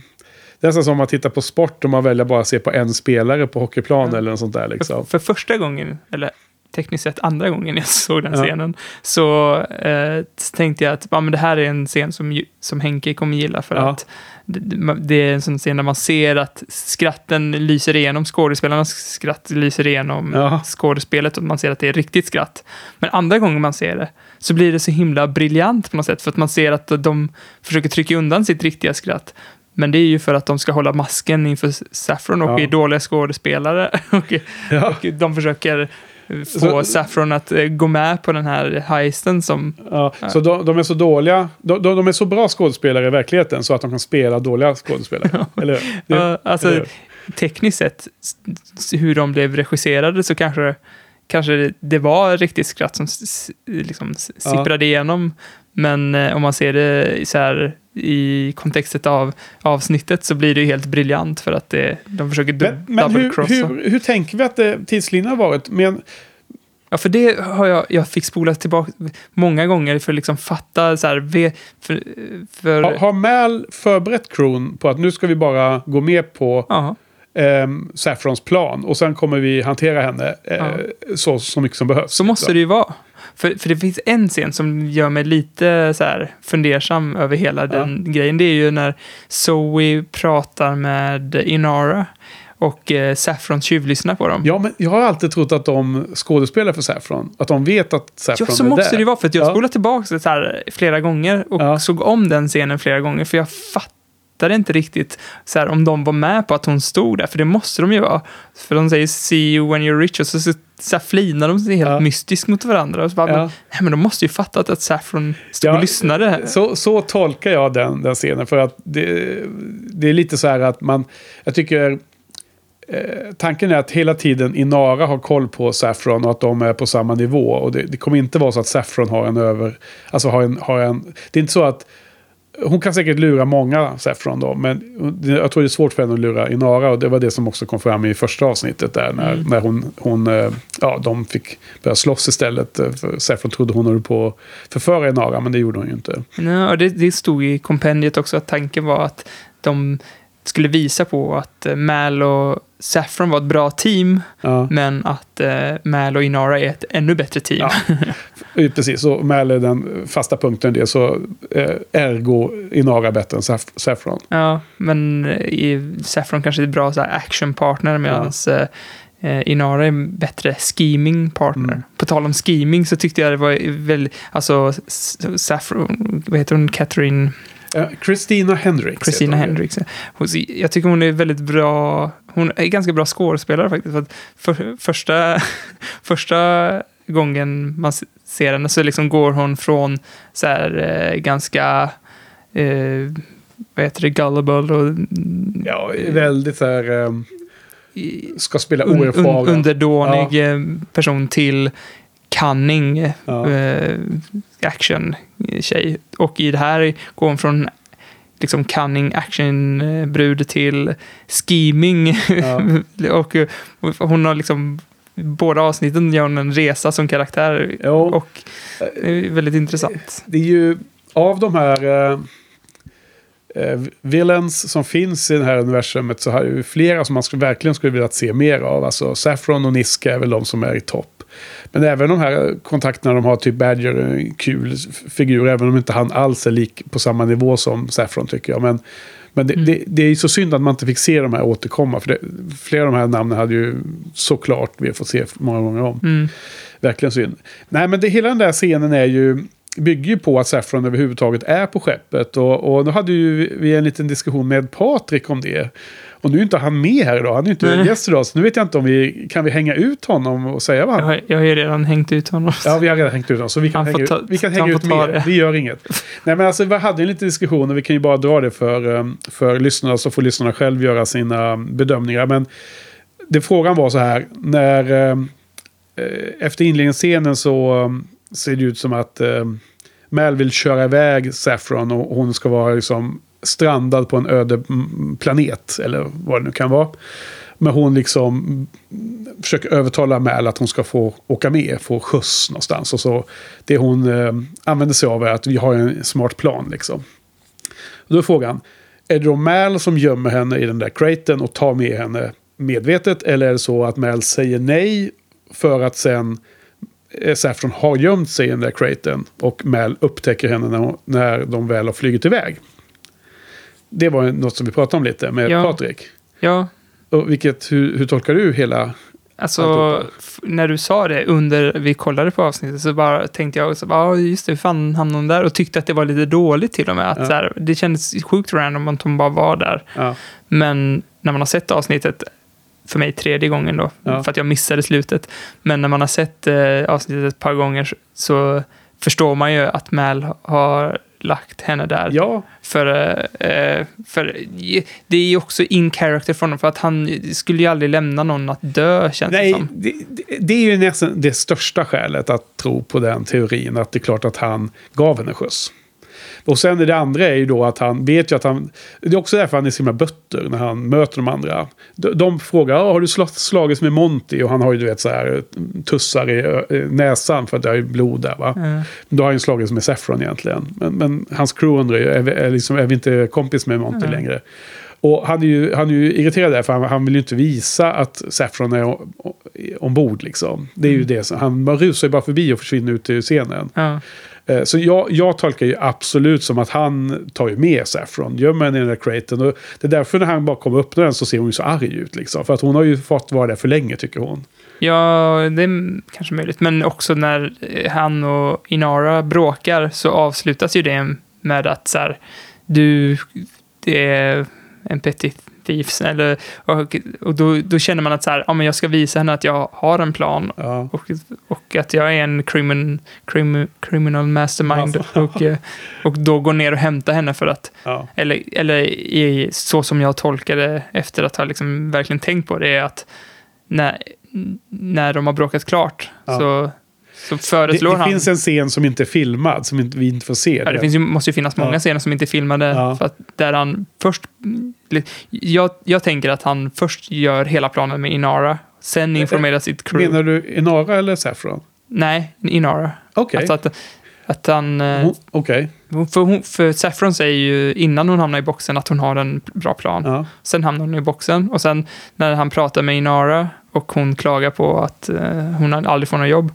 Och eh, när den scenen avslutas precis innan han öppnar så är det en lång diskussion med Inara där de gör upp hela planen Ja. och sen informerar han crewet Ja. och sen går han och öppnar den där Ja. boxen. Ja, det är ju lysande. Det är ju, ljuvlig eh, utveckling av eh, avsnittet som, eh, som du tar in i, upp på bordet här. Jag gillar det. Ja, för jag, jag, har, jag tänkte mycket på det sista gången. Jag försökte få tidslinjerna att gå ihop Ja, lite. ja. Och det är ju den här scenen med Zoe och eh, Inara. Inara som förbrillade mig mest. Men det måste ju Men vara det- att de visste att hon stod där. Ja, men det kan också vara den scenen som egentligen bevisar hela den här teorin. Just för att den är så, tycker jag då, tydlig att de, att de bara spelar för Saffron. Och då betyder det att de spelar för Saffron hela tiden. Och då betyder det att det är precis så som du har sagt. Ja, men också i slutet av avsnittet säger ju Inara att eh, alla var med på det hela Ja. tiden. Ja.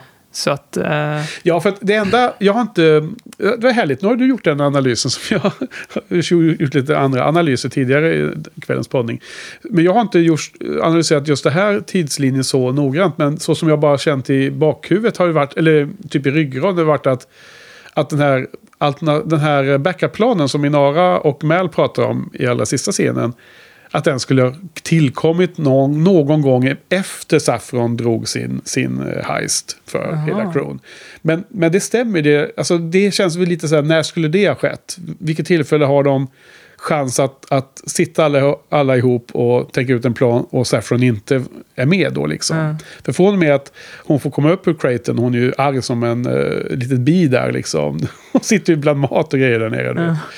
Ehm, så är hon ju med där och hänger runt Mal och så. Så att, att hon helt plötsligt, nu får du stå här borta i ett hörn liksom, i ett halv, en halvtimme så ska vi prata om något annat. Det låter ganska osannolikt Ja. också. men också den scenen där du pratar om att hon satte fingret på munnen och allt det där. Ja. Alla spelar ju över där. Ja. För överkompenserar. Ja, Liksom. exakt. Och, och Kaylee säger så här. Ja, precis, för då, då så säger um, Saffron, ja men jag har ju det, det här eh, ritningarna här. The Blueprint så har hon ju på några disketter. Och då, det visste ju förstås Mal, för han har ju hört liksom Saffrons grundplan redan nere på planeten. Så det vet ju redan um, Kaylee vid det läget enligt din teori, som jag eh, köper in på 100%. Och då så sitter hon med fingret på, på läppen och säger ja, tänk om jag skulle kunna komma på en, en annan bra plan. Men hon fattar ju redan att hon kommer hitta det. Så det är ju inte någon nyhet för henne att de där ritningarna helt plötsligt lades ner på bordet en sekund tidigare. Hon har redan tänkt ut att det är ju så vi ska lösa det hela. Att hon hittar någon... Och någon det här utgång. överskådespelet som du pratade om i början. Där, eh, när, när Wash... What are you doing here? Ja, Och alla liksom försöker hålla sig för skratt. ja, Det är också så här. ja. Det över, överkompenserar lite Ja, för Men det, det är nästan som man skulle vilja se om avsnittet nu med en gång. Bara för att du har ju kommit upp med en helt ny teori som jag aldrig har tänkt på. Nej, och jag Ja. tänkte att du tänkte exakt som jag. Att var, ja, men det var därför jag tänkte att den här scenen när de sitter allihopa, att att den, att den har så, så mångbottnad. Liksom. Det var det jag menade med, Ja, med att eh, alltså... ehm, deras riktiga skratt skiner igenom. Jag, jag, jag tycker fortfarande att de... ja, nej men alltså det var inte... Jag hade tänkt på, på tidslinjen på det sättet. Men jag tycker fortfarande att, att scenen visar deras olika karaktärer. Sen kanske de, om man analyserar ännu noggrannare, kan se att under ytan så spe, eh, spelar de också ett spel. Ja. De spelar ändå sig själva. Ja, ja. De är, de är och, och det är bara... frågan vilken layer Det man bara har att de, sett här. de spelar över sin egna Ja, karaktär. ja. Och eftersom det är en sån serie där karaktärerna spelas över så himla mycket så tänker man ju inte på det Nej. riktigt första gången. Men om man vet att de, de ska spela över där, då Ja. blir det liksom Zoe är extra mycket Zoe när de bara går fram och nitar Ja. henne. Och det, då tänker man, ah, det var väl lite, för, lite väl varför den här serien. Och Ja. sen bara, nej, och när man ser det andra gången, bara, ah, okej, de, hon försöker skådespela sig själv och då blir Ja. det lite extra av allt. Eller att hon inte litar på sig själv så hon sitter bara tyst. Ja. Och så ska hon bidra med någonting, ja då kan vi lika gärna ge, henne, Ja, men hon ska ju vara lite, vad heter det, bru, brooding. Ja, men hon passar. Ja, men alltså det, det är ju lysande um, utveckling av detta. Det är ju verkligen lager på lager. Och, det, och om, om hela avsnittet är spelas på det här sättet, då är det ju ännu mer troligt att den där spaningen jag hade med att första scenen är överspelad för att också dölja den andra scenen där han, eh, vad nu heter, eh, Jolanda och Duran. Liksom för, då är alla scener överspelade på något sätt i hela avsnittet ju. För alla blåser alla hela tiden. Vad jag menar? Alltså, ibland är det showen som blåser oss. Ibland är det karaktärerna som blåser varandra inom showen. Ja. Så, men det är liksom olika. Men, men att showen blåser oss kan ibland vara omedvetet för att det är en sån typ av show Ja, som är lite över the top. I, då, ja, men det är också då möjligheterna ges att kunna spela med det lite. Mm. Om det, är, om det är extra bra. Ja. Och det får man hoppas, men det är inte säkert att det är. Det kan vara också bara en slump då, som du var inne på. Just det. Har du någon mer sådana här eh, spaningar? Eller? Jag blir lite sugen på din lista där. Lista av punkter att ta upp. Nej, jag tr- tror inte. Eh, jag har met metagrej att den här McGuffinen, eller Vilken nu har, jag prat, nu har jag pratat om flera olika McGuffin. Först var det den här grejen de skulle stoppa i, i, den här eh, Ja, de, drönaren. skulle programmera om dess destination. Så det Ja. var inte en 100% i McGuffin. Men den här pistolen då? Är det Ja. en 100% McGuffin? Det säger lite de oklart. i kompendien. Kompendiet kallar de det för en McGuffin till och med. Ja. Eftersom vi har pratat om det några gånger i Hitchcock-podden, jag och Frans, så, så skulle jag inte Mm. vilja säga att det är en renodlad McGuffin. Men jag kan förstå att man kanske eh, kan, kan, kan missbruka ordet lite för att få fram en poäng. José Molina kallar det för en McGuffin Ja. i alla fall. Och eh, hans... José... Eller nu kommer jag inte ihåg vems idé det var. Skitsamma. Från början skulle det vara en eh, Sgt. Pepper LP-skiva. Okej, Som- som Beatles. Ja, Ja. som, eh, som skulle vara det. Men de fick inte rättigheterna till den. Nej. Så då- och då tog José Molinas, hans idé var att det skulle vara en jordglob av The Earth to be. Eller så var det Ben Edlund. Men båda Alltså, de... The Earth the- That Was, Ja, gamla, våran. Precis, Ja. precis. Den gamla jorden. Ja. Jag kanske var Ben Edlund som kom på det och sen Molina bara, ja, svinbra idé. Så de två hade tagit fram det och sen kom Joss och bara, nej, det ska vara en pistol. Ja. Ja. För han tyckte att det var, den var för stor och otymplig Ja. och de skulle ner med den i något shaft sen. ja. Och, Den var opraktisk. ja, och sen den pistolen också används i en serie som du har. Eh, vad heter den? Singalong. Jaha. Dr. Horribles. Dr. Horrible, ja. Ja, den, den står där också någonstans i Mm. Blu-ray där. Ja, okej. Nej, men alltså...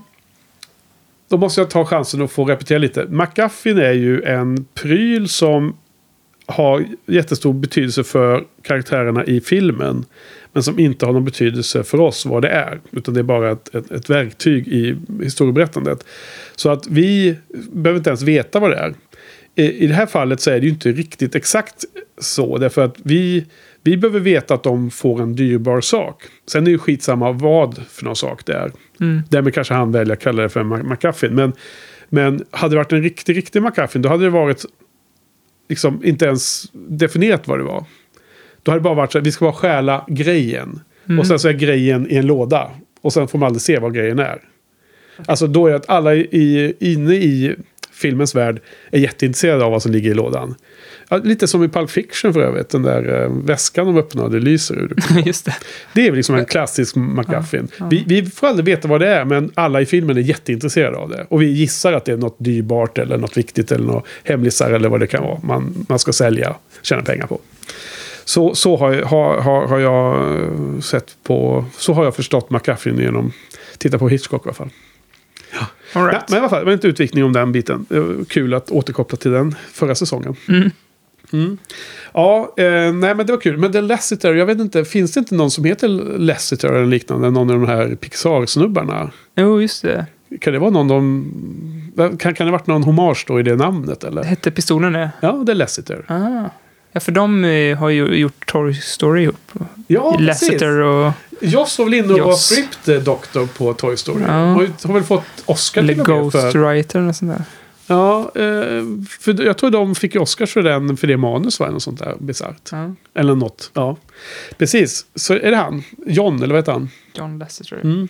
Var inte han metoo Nej, nu spottar jag bara ur mig anklagelser. Ja, Jag, ja, det är han säkert inte. nej, jag har ingen aning. Ehm, ja. Några mer eh, spaningar på din fina lista där? I presentation mode eller vad du hade? Ja, just det. Eh, nej, jag ska se.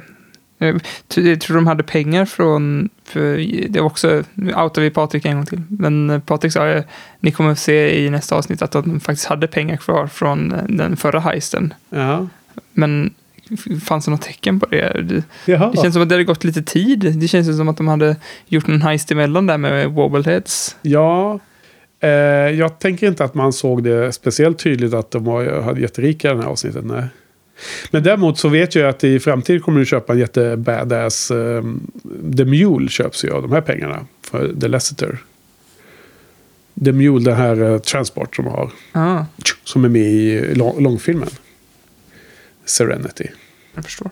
Den köper de av eh, pengarna från The Lasseter, har jag för mig. Men det får vi se här nu i kommande avsnitt. Då. Ja. Eh, precis, och det kanske var det Patrik tänkte på, vad vet Ja. jag.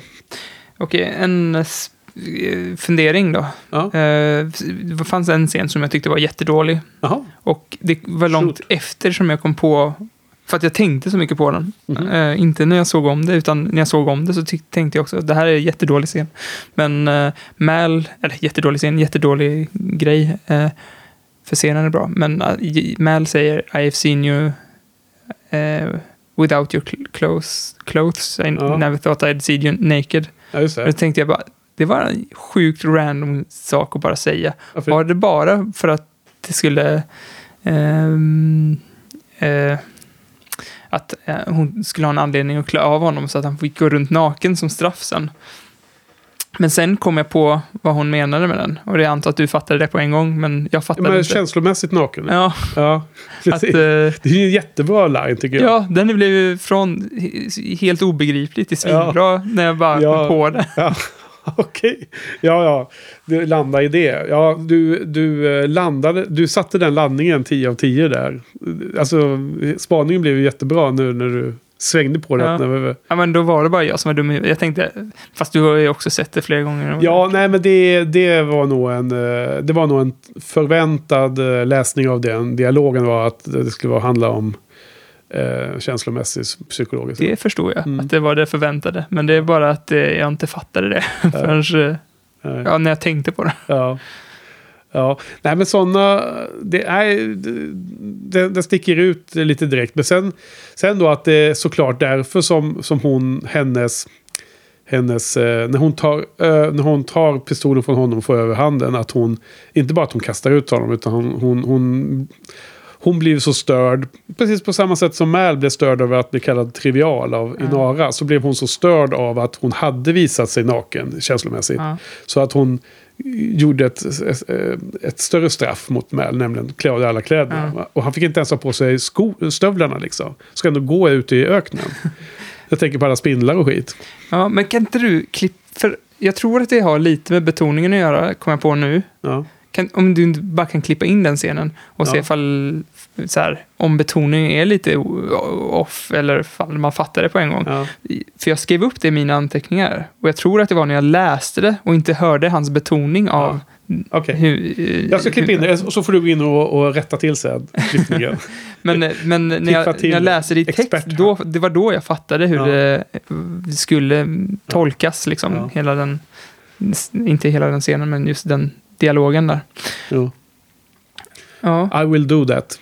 Det är, en, det är lätt att komma ihåg sådana här saker för att när man sitter och klipper så hör man ju att du säger detta. Ja. Och då klipper man in det där. Det kommer nu. Yeah, he had money. I thought it would help. I thought if I had everything, then I wouldn't want. Heinrich, the security programmer. You know, I'd forgotten his name. Addressing the itch of curiousness. You marry him too? No. I didn't kill him either. No. Don't reckon there's many you killed. Just put him in a position to die easy. I should have killed Turin. Right. The one guy who don't have it coming. The man who knows you, still loves you, treachery and all. I can't have him walking about.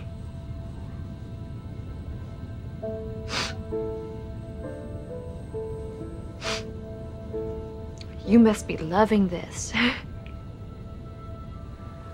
A little bit. I've seen you without your clothes on before. Never thought I'd see you naked. Can people ever change? Depends on the person. I'm guessing the pain of this fades away. You'll just go back to being what you are. Nu har det, nu har det spelats. Har du något mer där? eh, Jag kan kasta in en superliten detalj att, Ehm, jag har inte frågat dig ännu att um, dissekera actioninnehållet. Och, men det, det var kanske inte så centralt det här Vad avsnittet. fan, va? det gör vi i varje Ja, avsnitt. vi behöver inte gnälla på det. Men jag hade en liten plus på en pluspoäng där på action. Det var ju att i allra första scenen då så skjuter ju Mal med sin pistol ett antal gånger. Och han skjuter i sanden bredvid Saffron och annat då. va? Ja. Och, då tycker jag att eh, pistolljudet är ju jättebra. Produktionsvalue. Alltså, Du sa det när vi tungt. satt och kollade på det. Sa jag jag det? visste inte ifall du, ifall du var ironisk eller Nej, inte. nej, nej, nej. Och det var inte för att jag eh, tyckte att pistolljudet var dåligt, det var bara att jag inte tänkte på det. Nej, Nej men jag, jag lägger märke till det. Alltså det. I många filmer så är det väldigt dåliga ljud av skjutvapen. Alltså dåliga på det sättet att det är tunna och, och, och låga.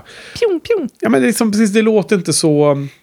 Eh, så eh, imponerande som jag, som jag vet att det hörs i verkligheten. Och jag, kom, jag, jag tänker på en film som, som själva sound design av en actionscen var så otroligt förhöjde. Liksom. Och det är ju Heat. Den här scenen när de, eh, den här shootouten på, på gatan efter eh, bankrånet.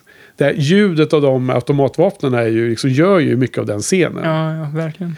Eh, och, och även ljudet i Matrix är ju väldigt maffigt. Sounddesign av det skjutvapen som används till exempel när, när Neo attackerar det här skyskrapan. Och, mm, ja, massor med Ja. shootout.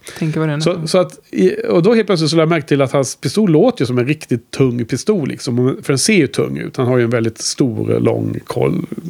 Som six shooter. Så ehm, det var faktiskt inte ironiskt. Utan det var helt allvarligt. Att jag tyckte att det var bra ljud liksom. Det låter som en riktig pistol liksom. ja. ja, nu har du scrollat vidare. Något mer där eller? Nej, men Patrik sa ju att eh, han, han störde sig lite på den actionscenen för att man såg att de bytte ut henne mot en ki- kille, Ja, hon sparkade som kung fu. ja, Saffron. Men det, det var ju verkligen något som jag störde mig på i Buffy. Men där hade de ju en kvinnlig eh, eh, action? Stund. Stunt, Kvinna. stuntkvinna.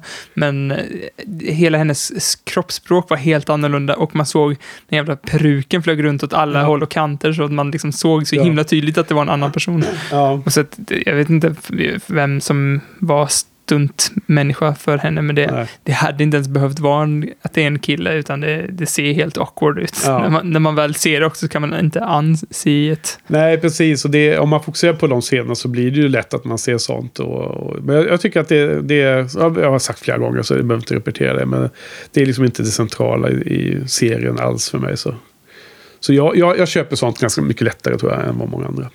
Ja, och jag har också inte mm, har börjat tänka på de scenerna. kalibrerat dig lite. Ja, jag tänker inte på dem som att det ska vara spännande action, utan Nej. att det är bara något nödvändigt ont som händer. ja, precis. Det är lite som i Buffy-avsnitten att det är jättebra Ja. fra, fram till ungefär 35 minuter och sen är det lite action i slutet som man, ja, Ja, man kan sitta och börja fundera på vad händer i handlingen egentligen. ja exakt. Ja, ja okej. Det är nya karaktärer för Firefly The Board Game ska vi ju också rapportera för alla som för bok där hemma. Vi har ju Monty, en leader. Han heter ju Smuggler Extraordinaire i, kort, i, i, på hans kort. Mm. Så han är ju eh, rolig här med sin soapcatcher. Sen har vi ju Bridget. Hon är ju en crew, en companion. Och vi har Yolanda. Båda kommer med här. Crew och companion. Och. Deceptive. Så att eh, samma person allihopa. Men eh, hennes eh, kille är inte med. Nej, Durand är inte med. Nej. Och, men, och vem var? Sköt de verkligen Heinrich? Det är det som jag är lite orolig för. Med tanke på vad han heter Henrik. Ehm, hon hävdade att hon inte dödade Heinrich. Men man såg ju på Mäl att vad han trodde hade hänt. Ja. They killed Heinrich. Nej, men han... Eh, hon dödar ju inte någon. Hon bara lämnar dem säger i det i situationer. Nej, Mal säger att nej, men jag tror inte du dödar någon. Du lämnar dem bara i situationer Ja, där. just det. Det de- säger han faktiskt till och med. Ja. Precis som de gjorde med dem då när de, Ja, var på väg mot de den där blivit- scrapyarden eller vad det var. Blivit, ja, precis. Men eh, Cor Corbin och dem, eller vilka det var som var där. Ja, ja, om man ser på Batman så vet man ju att det är precis li lika illa. ja okej. ja. Eh, precis. Fan, vi har glömt Harry Potter-referenserna. Ah, Kom vi på någon nu snabbt eller? nej. Nej, det blir en Batman-referens istället. Ja, Ja. Det går lika bra det. Tydligen. Men ehm, just det. Men vem, var- du menar att hon... Heinrich blev dödad av några... mm, fulingar i undre världen som de försökte sälja någonting till. Något sånt där då. Och så hon liksom drog vidare till nästa heist. Är det så man ska tolka det? För han, han hade ju försvunnit, hon hade försvunnit med en ung programmerare för övrigt. eller hur? Va? Ja. Och det, det var via honom hon har fått alla de här eh, ritningarna av det kanske? Eller hur ska man tolka det? ja, hon har väl eh, bedragit honom också. På Ja, men det var ju också lite absurt att säga. Här har, jag, här, här har jag ritningarna plus hans kalender för de närmsta 18 månaderna eller vad det var. Ta- Tala om att ha ett inrutat liv liksom. Var det inte något sånt hon sa? Ja, men ja, det var konstigt. Men hade han, hon fått det av Hein? Ja, Heimlich? alltså de måste ju ta den tiden så lång tid som man, så, som man, det stämmer in med att hon har varit liksom ute och um, eh, freelansat liksom en, en bra tid. Inklusive då när hon försökte heis, göra heist mot dem förra gången. Det, det kan, kan ju inte vara så att hon försvann med Heinrich för två veckor sedan. Då hade ju inte det funkat Nej. med tiden. Men jag tänkte att hon kanske hade åkt tillbaka och så här scoutat lite och fått tag i lite extra material. Ja. Sen. Det, det är väl mer troligt egentligen. Men, men när, när, när hon säger att det var, när hon svarar på det sättet så kanske man ska tolka det som att det var via Heinrich och den här unga programmeraren som allting har tagits ifrån. Alltså, ritningarna kan han ju säkert ha gett henne. För det, de borde vara bes- bestående oavsett hur lång tid det har gått. Ja, Mm. hyfsat i alla fall. Ritningar till dödsstjärnan. Ja, okej. Men du, eh, jag har inte så mycket mer notes. Jag menar, du har lyft en hel del av de sakerna som jag har skrivit upp också. Så vi hade en viss överlapp, överlapp idag.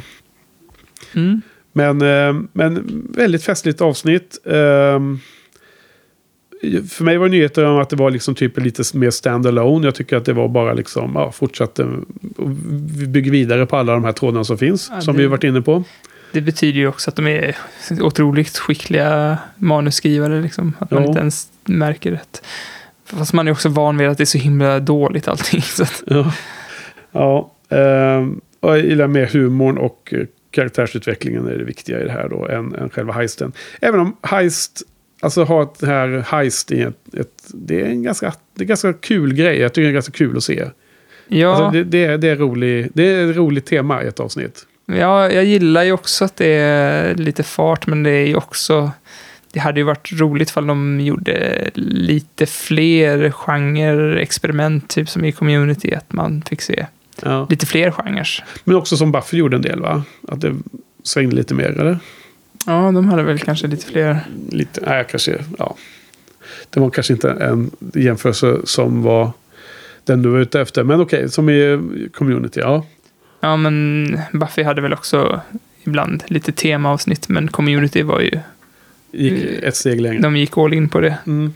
Fast jag vet inte, tror du verkligen att uh, Firefly hade passat för det? Därför att jag menar, det ska ändå vara konsistent med den här världen är en viktig, viktig osynlig karaktär. Liksom den här Western in Space. Så man, kan ju som, man måste hålla sig inom vi- vilka typer av genrer. Skräck funkar ju bra i alla fall. Mm. Eh, Det har vi ju sett. Ja, lite mer bushwhacked där. Bushwhacked, ja. Tredje avsnittet. Eh, Men vad, vad finns det för genrer som skulle passa till det här? Eh, eh, Krigsgenren hade ju säkert passat. det kommer ju. Kommer det? Ja, Eh, typ nästa vecka. ja. Ja.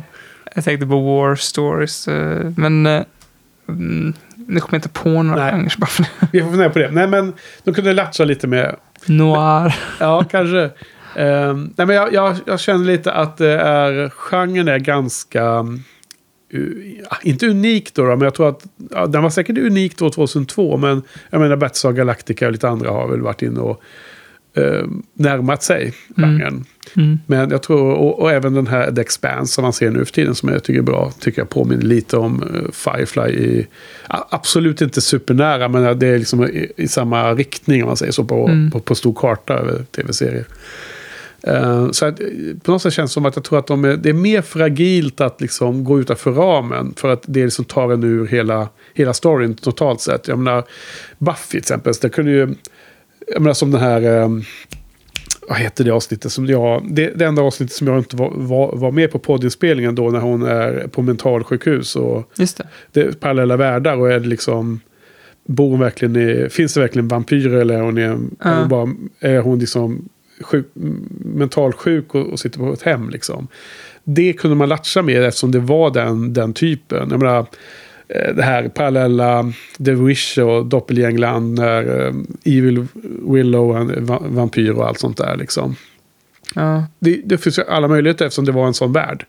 Men man kan inte hålla på med parallella världar och sånt i Firefly för då, då liksom bryter man en, en viktig... Mm. Ja, men nej, alltså man behöver inte gå all in på de Nej. här genrerna. Man kan ju... mm, eh, Home Again heter det avsnittet va? Med Buffy. Ja, det kanske det är. Ja, nej, ja. Får jag skämmas om det var fel. Ja, jag, för, jag är febrilt bara eh, försöker hitta, på, hitta på genre. Jag kommer inte ens på någon genre. Eh, Romantisk komedi. Ja, det är ju nästan annat avsnitt redan. Ja. Om man nu ser bara Mälo i norra som jag är lite. Nej men okej. Ja, nej men eh, så kan det vara. Vad heter det? Ska vi se då. Nästa vecka så är det då som sagt The Message nämnde vi va? Uh, och det är då det tredje sista avsnittet. Uh, och sen har vi filmen och sen har vi comic books. Comics. Uh, The Message nästa vecka. Då blir det lite flashbacks till kriget. Tror, har jag för mig. så jag inte sitter och lovar för mycket. Men jo, så, så tror jag det. Mm. Och eh, så ja. ha. Har vi något mer? Nej, nu är det slut. Klara för idag? Men då säger vi så. Tack Johan. Tack Henke. Tack Jos. Tack för Tack oss. för oss.